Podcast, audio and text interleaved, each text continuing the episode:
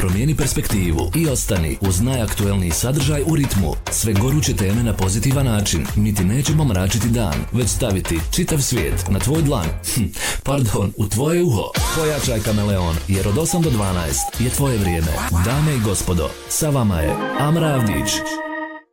Dobro vam jutro, odnosno dobar dan, zavisi kako za koga vi slušate, ali i gledate Radio Kameleon i naš internaut show. Poprilično smo zagazili u različite teme, nadam se iskreno da su vam korisne, a za ovu i oko ove teme sam posebno uzbuđena jer mislim da nam i kako treba.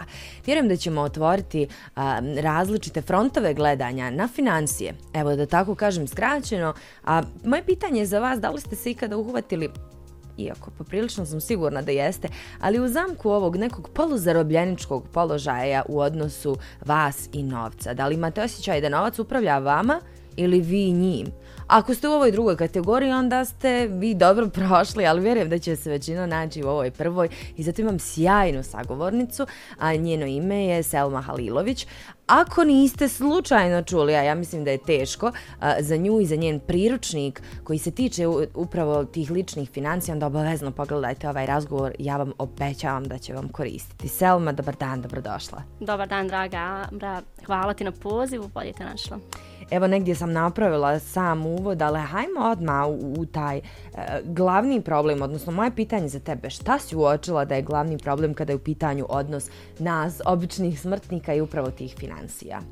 Uh, problem je, uh, odnosno izazov taj, je više slojan stvarno, ali mislim da je sama suština tog problema uh, zapravo taj odnos koji mi imamo izgrađen prema novcu odnosno prema financijama. Uh, kada spomenemo financije, ono, većina ljudi je u fazonu, o oh, ne, to je strašno, to je nešto, ono, uvijek je neki problem s tim. A zapravo se radi o tome da su financije većini ljudi samo uh, nejasne mm -hmm. i nepoznate. Mm -hmm. I kada se malo tek upoznaju sa nekim ono osnovnim uh, postulatima, odnosno kada, kada im na neki način pokušamo objasniti kako funkcionišu same financije, bilo da su to privatne ili financije nekog biznisa, ono, vidim na njima veliko olakšanje. Jer zapravo ta nejasnoća je e, 50% problema. Znaš šta se najviše ljudi žale, odnosno kakve si greške uočila da pravimo, a da se možda negdje simptomatično ponavljaju kod svih ljudi? Da, pa evo spomenula sam upravo taj odnos prema novcu. Odnos prema novcu u, u, u suštini kao odnos prema nekoj drugoj personi koji bismo mi gradili. Svi mi imamo izgrađen određeni odnos prema novcu i taj naš sadašnji odnos mene i tebe u ovom odraslom periodu je e, zapravo rezultat onoga što smo gradili tokom odrastanja. Ono što smo slušali o novcu, što smo gledali, čemu smo svjedočili u svom okruženju, e, način na koji su naši roditelji ili staratelji trošili novac, e, e škola koju smo pohađali, da li je to bila privatna ili državna. Znači sve je to na neki način utjecalo da mi izgradimo određeni odnos prema novcu i svi imamo određeni odnos prema novcu. E, veoma često, i to i jeste problem, je to što je taj odnos negdje ograničavajući. Ono, odnos u smislu novac je neko zlo, novac je nešto što je problem, novac je nešto što će napraviti problem ako ga imate, više nego ako ga nemate i onda mi tu sami sebe degradiramo u tom odnosu, već vidimo novac kao nešto što je nepoželjno. Mm -hmm. Uh, ja posebno mogu svjedočiti tome kao neko ko prakticira vjeru. Posebno je taj, mhm. ono, smatra se da trebate imati odnos prema novcu u smislu da ga ne validirate apsolutno, da je on nešto što vas kao, jeli, uh, duhovnu osobu, spiritualnu ne treba ni zanimati. I tu u startu mi određujemo negdje tu svoju finansijsku budućnost, odnosno svoj taj neki finansijski bonitet, da tako kažem sad ta percepcija 100% si u pravu, negdje to i ja kroz razgovor s drugim ljudima vidim, pogotovo kada ste onako duhovno uh, cijenite neke stvari, uzdižete se, ajde da to tako nazovem. Međutim, imam osjećaj da to je pojednostavljen, pomalo banalan pristup, jer nama je novac potreban za svakodnevni život, zar ne? Da, svaka. E, e pa sad, dolazimo do momenta da nekako pokušamo da pojednostavimo ljudima koji nas gledaju i slušaju. Primjerice, evo daću, najlakše mi je dati svoj primjer. Dakle, e, novac zarađujemo. a, radimo, trudimo se, on nekako konstantan je priliv tog, tog istog, jel? Međutim, nekako uvijek se stiče utisak da ga nemamo i da prosto ne znamo gdje nam se izlači novac. Ok, živimo u vremenu koje nije jednostavno ni, ni za kakva primanja i ljudi zaista se bore i dovijaju na različite načine, međutim koliko toga ima do nas? Možemo li nekako locirati problem? Gdje on nastaje? Da. Odnosno u kakvoj mi zabludi živimo? Možda je čak i to bolje pitanje. Da, ja sam zaista radila i bila u komunikaciji i pomagala u izradi tog nekog ličnog finansijskog plana e, ženama um, različitih profesija i različitog um, ranga prihoda, da tako to kažem. I problem je isti i kod onih žena koje rade za platu od 800 maraka i kod onih čak koje rade za 3-4 hiljade maraka. Znači, jednostavno dočeka sa krajem mjeseca bez da su se ostvarili neki veliki finansijski pomaci. Eh, sad na početku sam rekla, problem jeste više slojen, ali ono što je do nas, što je negdje najlakše uraditi je, eh, a nije ni najlakše, ali eto, najjednostavnije tehnički, bila bi ta organizacija financija. To je ono kad mi primimo platu i e, negdje mi samo krenemo nasumično da plaćamo sve ono što nam donosi. E, stanarina ili rata ili e, režije, e, namirnice za kuću i idemo tako redom ko ima djecu, vrtić, teta, ovo, ono. Znači mi samo nasumično plaćamo sve ono kako nam pristiže. I tada mi postajemo e, marionete svog novca. Jel? Samo dočekujemo i mi radimo za svoje troškove. E, ono što nam organizacija pomaže je da obrnemo uloge. Da mi budemo ta persona u tom odnosu koja će držati konce u svojim rukama a, a to se postiže e, planiranjem unaprijed. E, ja sam stvarno primijetila da e, većina ljudi, mnogo ljudi, posebno žena, i spominjat ću žene jer ja sa ženama e, radim, fokusirala sam se na njih kao Jasno. neko ko, koga me, kome mogu pomoći, e, kada kažeš samo da trebamo da planiramo i sad mnogim ljudima će to zvučati ta nemoguća misija, međutim što tačno podrazumijevaš po to da, da nekako ljudima damo neki šablon kako možda i sami mogu u ovom trenutku pokušati? Da, a, zapravo Uh, kada sam spomenula ove uloge, mi ne znamo da smo u ulozi, u toj potlačenoj ulozi u odnosu na naše financije, jer zapravo ne znamo tačno gdje nam naš novac ide prva, prvi korak neki ka tom planiranju, odnosno organizaciji financija, bilo bi e, praćenje troškova koje mi imamo. I zaista sam primijetila da u većini slučajeva mi ne znamo, odnosno žene sa kojima ja radim, ne znaju ni gdje njihove e, pare odoše jel, tokom mjeseca. Ja čak u svom e-booku imam jedan, jedno poglavlje e, koje govori, o, nazvano je, jeli, e, ne znam ni gdje su mi otišle pare. Da sam e, tako da, ovaj, e, zašto ne znamo? Jer kao što sam rekla, nasumično plaćamo stvari, ne vodimo evidenciju o tome i mi negdje kao u glavi držimo te informacije. Ono što je istina da mi sebi jako često slažemo i da mi negdje uvećamo one troškove za koje možemo reći ono kao da su opravdani, pa ne znam, ono, imam ja ratu 230, ali ja ono 250 maraka, jel? A, a neke troškove kojima se ne ponosimo možda, kao recimo usputni račun u nekoj drogeriji ili slično. U svemu se pronalazi. Čitam se, jel? Pričaj, samo pričaj. Mi to negdje potisnemo. Isto kao i neku traumu, recimo, ono, iz, iz djetinstva ili neke stvari iz života koje, ono, ni ne sjećamo ih jer smo ih potisnuli u svoj podsvijest, tako i te troškove kojima nismo zadovoljni, koje ne možemo sebi da opravdamo, mi njih potisnemo. I stoga to planiranje, ono proizilazi iz e, evidencije troškova za početak, a onda mi tu preuzimamo glavnu ulogu. I onda ja sebi mogu slobodno reći, ok Selma, ti voliš make-up, na primjer, navešću svoj primjer. Nemoj sebe lagati da sljedećeg mjeseca nećeš potrošiti XY novca na to bolje je u svom budžetu, kućnom, ličnom, odredi sebi novac za to i znaćeš gdje ti on ide. I onda ako sam ja, ne znam, odredila sebi 50, 100, 200, koliko god hoću maraka za to, mogu da se negdje uklopim u to. Pa neću makar ono ići duplo. Neću potrošiti duplo više jer ono reći ću sebi, ok, ako sam odredila 100 maraka, potrošit ću ovaj mjesec, to pa ću sljedeći mjesec ponovo potrošiti 100 na to. Spomenula si da radiš sa ženama i vjerujem da si ti sjajno posložila sada njihove u tom radu s njima financije i njihov odnos prema novcu ali e, treba mi, treba mi stvarno neka doza optimizma i da mi kažeš, e, naravno bez imenovanja, kakvi su bili rezultati, recimo nakon prakticiranja jednog takvog odnosa prema novcu, da li, da li je možda ostalo nekog novca, evo kako, kako to izgleda? Da.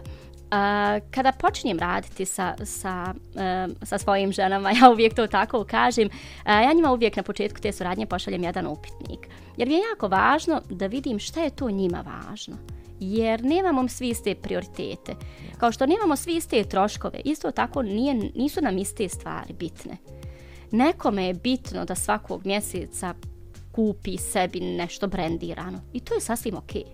Znači, ono, bez, bez uh, grižnje savjesti to sebi može priuštiti. Nekom drugom je bitno da kupi pet novih knjiga, ne, neko će uložiti u edukaciju, znači svi imamo svoje različite prioritete. Uh, I onda ja njih uh, ohrabrujem na osnovu tog upitnika koji, uh, i odgovora koje dobijemo od njih uh, da postave svoje finansijske ciljeve.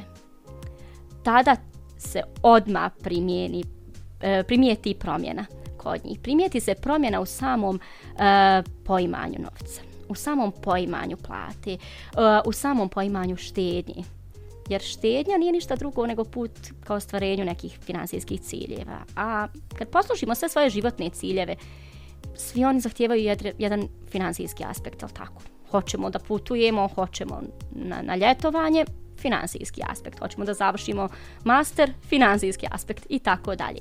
Tako da već od samog postavljanja tih ciljeva uh, ja vidim promjenu uh, kod njih u smislu ono pojavi se taj optimizam i pojavi se to olakšanje jer imaju jasnoću. Jer no, znaju gdje da u tom trenutku čovjek vjerovatno prodiše kada, kada posloži tako stvari. Pa to, to ne kažu. E, I ono što često puta dobijem kao komentar, ono, ja sam ja stvarno morala da pitam tebe šta da radim sa svojim novcem, zar ja nisam ovo znala sama, jer ja nisam tu da nametnem ciljeve, Naravno. ja sam tu da iznjedrim iz njih ono što one zaista želi.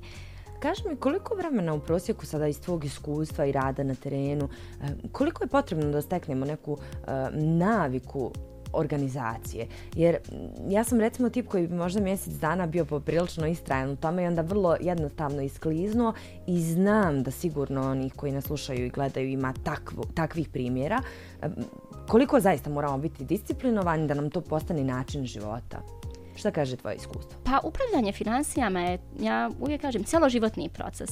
Mi ne možemo ono, tri mjeseca upravljati svojim financijama i onda više nećemo upravljati njima i onda se vratimo ponovo na istu. Kad bi naši prihodi rasli i rasli i rasli, ne bi se dešavala promjena u smislu da mi više štedimo, investiramo, ne daj Bože, jeli. Rasli bi apetiti. Rastu apetiti, jeste. To je nešto što ja u svom priručniku nazivam inflacija životnog stila i svi smo mi podložni toj inflaciji. Ona je puno veća od ove inflacije državne, jeli, yes. kojoj, kojoj mi svjedočimo. Tako da, ovaj, uh, jedan mjesec ti ne bi bio dovoljan, ali evo recimo uh, da bi neka, neki period od tri mjeseca bio dovoljan u smislu da prvo osoba upozna sebe, u uh, odnosu prema novcu, u odnosu prema financijama, da osvijesti kakvo joj je stanje, da provjeri. E, taj cijeli proces podrazumijeva i je li neki tehnički dio tipa da vi odete do banke, provjerite koja se dugovanja imate, kolike su vam kamate na vaše kreditne shopping kartice, jeli. To je nešto što mene zaprepasti svaki put kad moje klijentice ni ne znaju da -hmm. plaćaju kamet, kamate na te kartice, jeli, na prekoračenje po računu i tako dalje. Uh, s obzirom da imam iskustvo rada u banci, ono lako mi je da im objasnim na koji način to uh, funkcioniše i šta zapravo trebaju provjeriti. Uh, I eto neka ta tri mjeseca bili bi neki početni period da vidimo gdje smo bili, šta želimo da radimo u budućnosti, šta želimo da postignemo i da uspostavimo neke određene šablone ponašanja, neke nove obrazce ponašanja u odnosu na one prijašnje koji će nam sad malo više koristiti u tom finansijskom aspektu. Jasno. E, Selma je zapravo napisala i izdala svoju e-knjigu, odnosno e-book, e, priručnik, dakle, za upravljanje financijama. Zaista korisno štivo, vjerujem da će svima dobro doći. Negdje nemoguće da kroz ovu emisiju mi pokrijemo sve one teme koje bi bile važne, ali evo, trudimo se i pokušavamo, a vam svakako preporuka da nabavite isto i da ako vam treba stručna pomoć, onda se obratite Selmi. Vidite da nekako to slijedi i psihološka pomoć uz to sve. A, Selma, možemo li pričati o ti, tipovima ličnosti, makar da ih onako pobrojimo kada je riječ o tom odnosu s novcem. Negdje sam uspjela da zakačim na društvenim mrežama da si ti o tome pisala, pa evo, ima, imaju, ima li njih neki par koji bismo mogli izdvojiti? Da, evo, ti se prepoznala već u jednom, rekla sam ovaj, da je to, jel, ono, e, imam novca, ali ne znam ni gdje sam ih potrošila, jel. Um, ja kad sam pisala taj priručnik, on je prvo zapravo bio napisan potpuno drugačije. Mm -hmm. I čitajući ga i konsultujući se s nekim uh, ljudima, ono koji prije izdavanja, ja sam shvatila da sam ja napisala jedan školski učbenik i bila sam u fazonu, ono, ko će ovo čitati? Mislim, ljudima ne treba da im neko pametuje. I baš sam onako e, prilično dugo razmišljala o tome kako da to sročim, a da bude primjenjivo. Da, da bude Uh, kako bih rekla, kratko i slatko, jel? Ne može baš biti slatko jer pričamo o financijama, ali eto da bude sažeto i da da neku konkretnu pomoć. Da stvarno kad neko uzme to i ozbiljno se pozabavi savjetima koje dobije tamo, može da napravi neku promjenu. I onda sam razmišljajući dalje, shvatila da zapravo svi smo mi različiti. Svi nosimo različite vrijednosti u sebi, jeli? I svima nam je bitno upravo to nešto drugačije. I onda sam e, uspjela donekle da podijelim to na sedam tipova ličnosti. E, prvi tip je recimo onaj koji ne zna ni odakle da krene. I često se dešava da se ljudi odnosno žene koje su jeli, češće kupci, e, pronađu više tih različitih tipova. Recimo, ako ne znate odakle da krenete, uh, u tom poglavlju ja preporučujem jedan sasvim jednostavan način organizacije kućnog budžeta koji zahtjeva samo određeno procentualno određivanje uh, troškova i uh, zapravo svima koji nisu nikada planirali svoje financije uvijek preporučim da krenu od toga. Da krenu ono jer ne znaju odakle krenuti. Um, ovo što se ti malo prije spomenula da ono jedan mjesec bi išla intenzivno i posle bi tu negdje ono popustila i nisi jedina svi smo mi takvi kad hoćemo neku novu naviku. idemo maksimalno na početku i onda brzo pregorimo jel? E, zato preporučujem upravo ovaj način budžetiranja da bi se postepeno uvodilo ne možemo mi pričati o investiranju ako nemamo ni hiljadu maraka štednje na računu ne možemo pričati o štednji na računu ako imamo e, sve nam je na kredit. Od telefona, laptopa, ljetovanja, zimovanja i tako dalje, da ne znamo ni, ni više koliko rata plaćamo. Znači, postepeno se organizovati i nigdje ono, ne biti strok prema sebi, mm -hmm. nego vidjeti šta možeš da radiš u ovom trenutku. Dok recimo ono neka krajnja, odnosno druga krajnost bi bila uh, oni tipovi ličnosti koji uh, samo žive slobodu i uopšte ne želi da čuju za bilo kakvo ograničenje. I na taj tip ličnosti inspirisala me jedna moja prijateljica koja je ono uvijek u fazonu super ti je financijski wellness, odlična ti je stranca. Mene to strašno nervira. Podsjeća me na stvari o kojima ne želim da razmišljam upravo, od prilike. Upravo, jer ona je ono definicija slobode. Uh, radi od kuće, remote, znači e, nikakvo ograničenje je ne zanima.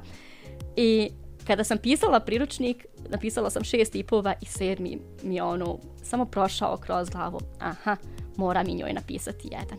Gdje sam dala primjer recimo e, alata koji se zove finansijski kalkulator, gdje vi možete izračunati pomoću toga koliko štednje trebate da biste i sa 60 živjeli istu slobodu kao sa 30 sjajno. Jer ta se vrijednost neće promijeniti, jel tako? Ono što nam je sada bitno, postoji vjerovatnoća da će samo biti još bitnije, jel, kako, kako godine dolaze. Sigurno. Da, tako da će i ta finansijska sloboda biti jednako bitna, ali možda nećemo biti toliko u mogućnosti da uh, prihodujemo koliko smo trenutno. Koliko nas je upropastila online kupovina kada su pitanje financije? Wow. Uh, Pa ne, sad ne, nemam neke e, statističke podatke o tome, ali mislim da zapravo to nije e, velika razlika. Jeste u tome, u tom psihološkom efektu, koji zapravo nije vezan za samu online kupovinu, nego za plaćanje karticom, mm -hmm. gdje je puno lakše ignorisati iznos koji platimo, ukoliko ga nismo platili gotovinom. O, da. Da, i ono nekako sakrijemo od sebe, platimo i ne vidimo, ono će se skinuti s računa, ako nema na računu, otiće s prekoračenja, je li ono, nekako će se već to naplatiti, ali mi nismo vidjeli da smo iskeširali nešto. Uh, upravo jedan, jedan od alata koji spominjem u, u priručniku je taj sistem cash converti mm -hmm. za određenu skupinu ljudi koji upravo imaju taj uh, izazov uh, prekomjernog plaćanja karticama gdje se ono korištenjem gotovine to jako mnogo osvijesti. Mm -hmm. Vrlo zanimljivo. Um, Selma, samo si spomenula da si dugo godina radila i u banci, ali evo da negdje približimo ljudima zapravo uh, gdje je uporište svog tvog znanja i evo te pozicije na kojoj si danas da zaista pomažeš ženama većinski. Pa da, uh, ja uvijek kažem ono, ja sam ekonomista po struci, imam iskustvo rada u finansijskim institucijama, ali ono što je moja škola najveća i što mi je ono dalo kompetenciju, jeli, da, da uopšte pričamo o tome, proistekla iz, iz moje potrebe. Uh, ja sam sa 14 godina došla u Tuzlu jer sam željela upisati gimnaziju jezičku i ono, ja sam iz Humaca, opština mm -hmm. Čelić rodom, tamo nije bilo gimnazije. I tada sa 14 godina dolazim ovdje da stanujem bez svojih roditelja. I dobijam džeparac. I ono, u fazonu, tvoj džeparac je stotinu maraka, svi su ti troškovi plaćeni, stan, hrana, samo tvoj džeparac je sto maraka. Ja sam onda znala onu, ili ću dvije sedmice super živjet, ekstravagantno, jeli za jednog srednjoškolca, uh, i onda dvije sedmice neću znati šta ću sa sobom, neću moći otići ni na kafu ni ništa, uh, ili ću to sebi moći rasporediti da mi traje cijelog mjeseca. I uh, znam da mi je tada ono najveća boljka bila ta što ono, dopune za, za mobitel su bile najmanje od 50 maraka. I ono, trajale su dva mjeseca, pa me uvijek bolilo to svakog drugog mjeseca kad pola svog džeparca moram da dam na to. Ali negdje ono, to moje lično iskustvo još od srednje škole, pa kasnije fakulteta, pa kasnije kad sam se zaposlila i iznajmila sam stan, sama sam stanovala, plaćala sve svoje troškove, naučila me upravo o tome da ili ću se ja pobrinuti o svojim financijama, ili ću se stalno brinuti o njima. Jasne. Treće opcije nije bilo. I počela sam da istražujem, da malo da tražim po internetu da li ima išta o tome. I bila sam šokirana kad sam vidjela koliko se e, na engleskom govornom području, tačnije u Americi, priča o tome. I toliko sam osjetila neki, ne, neki val emocija, ono, zašto se kod nas ne priča ovdje? Pa nama je ovo potrebnije nego samim Amerikancima. Znači, naši ljudi ne znaju apsolutno ni kako funkcionišu krediti, pozajmice, plate, ni, ništa, apsolutno mi ne znamo, ničemu nas ne uče kroz to neko formalno obrazovanje. I to je bio moment kad sam ja ono, prvo bila ljuta jer niko kod nas to ne priča i onda sam rekla sebi, dobro, zašto okrivljuješ nekog drugog? Možda ti možeš pričati o tome. I onda sam ono nekako sramežljivo napravila prvu objavu na Instagramu, bojeći se um, svake osude jer počinjem pričati o nečemu što se uopšte ne spominje, što je realno tabu tema kod nas. Istina, upravo sam to željela spomenuti. Nekako e, smo naučeni da je e, neukusno pričati o novcu i donekle se slažemo, ok, mislim da nije pristojno da pitamo nekoga koliko zarađuješ ili bilo što slično tome, ali kao da dijelom ignorišemo problem time što biramo da je to neukusno da pričamo o financijama, o tome kako se nositi sa dnevnim izazovima jako sam zato zahvalna ovaj, što se neko zaista odvažio. Koliko god ti kažeš sramežljivo, mislim da je važno da otvorimo te teme u javnom diskursu. Pa jeste, e, izuzetno je važno. Zaista ono, e, u zadnje vrijeme, u zadnjih godinu dana ja sam posvećena samo ovome. Mm -hmm. e, tom nekom aspektu edukacije, finansijskog savjetovanja i što više tih edukacija prolazim sa različitim skupinama žena, sve više vidim i potvrđujem samo i sebi koliko je potrebno pričati o ovome. Uh, u zadnje vrijeme pojavilo se još osoba koje su počele razgovarati o ovoj temi i to me toliko raduje. Jer uh, um, ignorisanjem problema nećemo ga riješiti. I prebacivanjem krivice na neke više nivoje na kojima mi nemamo ličnog uticaja, također nećemo ništa riješiti. Ono što možemo raditi je da osvijestimo sebe, edukujemo sebe i mijenjamo ono što je u našoj zoni djelovanja. Pa da, iskoristiti najbolje od, od, od onoga što nam je u rukama. Selma, kako ljudi koji nas gledaju i slušaju mogu pronaći, odnosno doći do tvog priručnika? A, pa najlakši način je na Instagram profilu, financijski wellness. A, tu ima... zapratite profil. Da, da, slobodno, slobodno. slobodno se e, i javite porukom, ono, mislim da... E, e, niko ko se javio porukom nije našao na zatvorena vrata kod mene, ono, koristim sve svoje kapacitete da odgovorim ljudima da e, jer znam koliko je meni trebao neko ko će mi odgovoriti na neka pitanja a nije ga bilo e, na toj svojoj Instagram, Instagram stranici imamo e, ima jedan link preko kojeg mogu naručiti sam ebook, a kao što sam rekla mogu se javiti i porukom, jer ja uvijek više volim da se mi onako prvo čujemo, da vidimo zapravo kakva je problematika i da li je za njih Jasno. taj ebook, jer Jasno. ono nije cilj da se proda nekome nešto što mu neće koristiti, treba da znamo da je stvarno ta osoba u potrebi za tim priručnikom. E, ovaj uh, ove razgovore nekako završavam sa pitanjima koja su pomalo kao iz leksikona, ali pokušavam da utičemo na to šta čitamo, šta gledamo, da svakako ljudi e, koji nas prate dobiju neke dobre preporuke. E sad, pored priručnika kojeg smo negdje istakli, ja bih hvaljala da mi kažeš svoju omiljenu knjigu, e, pjesmu i film naravno, kažem, može da bude jednostavno zato što ti je jako bilo zabavno ili zato što je uticalo na tvoj život na neki način prosto jednostavno je ostavilo traga pa da vidimo šta bi tu mogla da izdvojiš. Wow, ovo mi je jako nezgodno pitanje jer ja imam milion omiljenih. Ja to mogu da izrežem ako ti treba vrijeme da razmisliš sekundu, slobodno. Pa nema veze, nešto ću reći što je opet vezano za temu. Ono. Važi. Uh, imam zaista, ono, rekoh da sam završila jezičku gimnaziju, tako da, ono, ljubav prema književnosti se, jel, nastavila i nakon, nakon gimnazije. Ali evo, negdje ću se držati ove tematike, jer vjerujem da nema baš mnogo preporuka mm -hmm. za knjige, pjesme i, jeli, e, generalno filmove ili bilo šta vezano za ovu temu.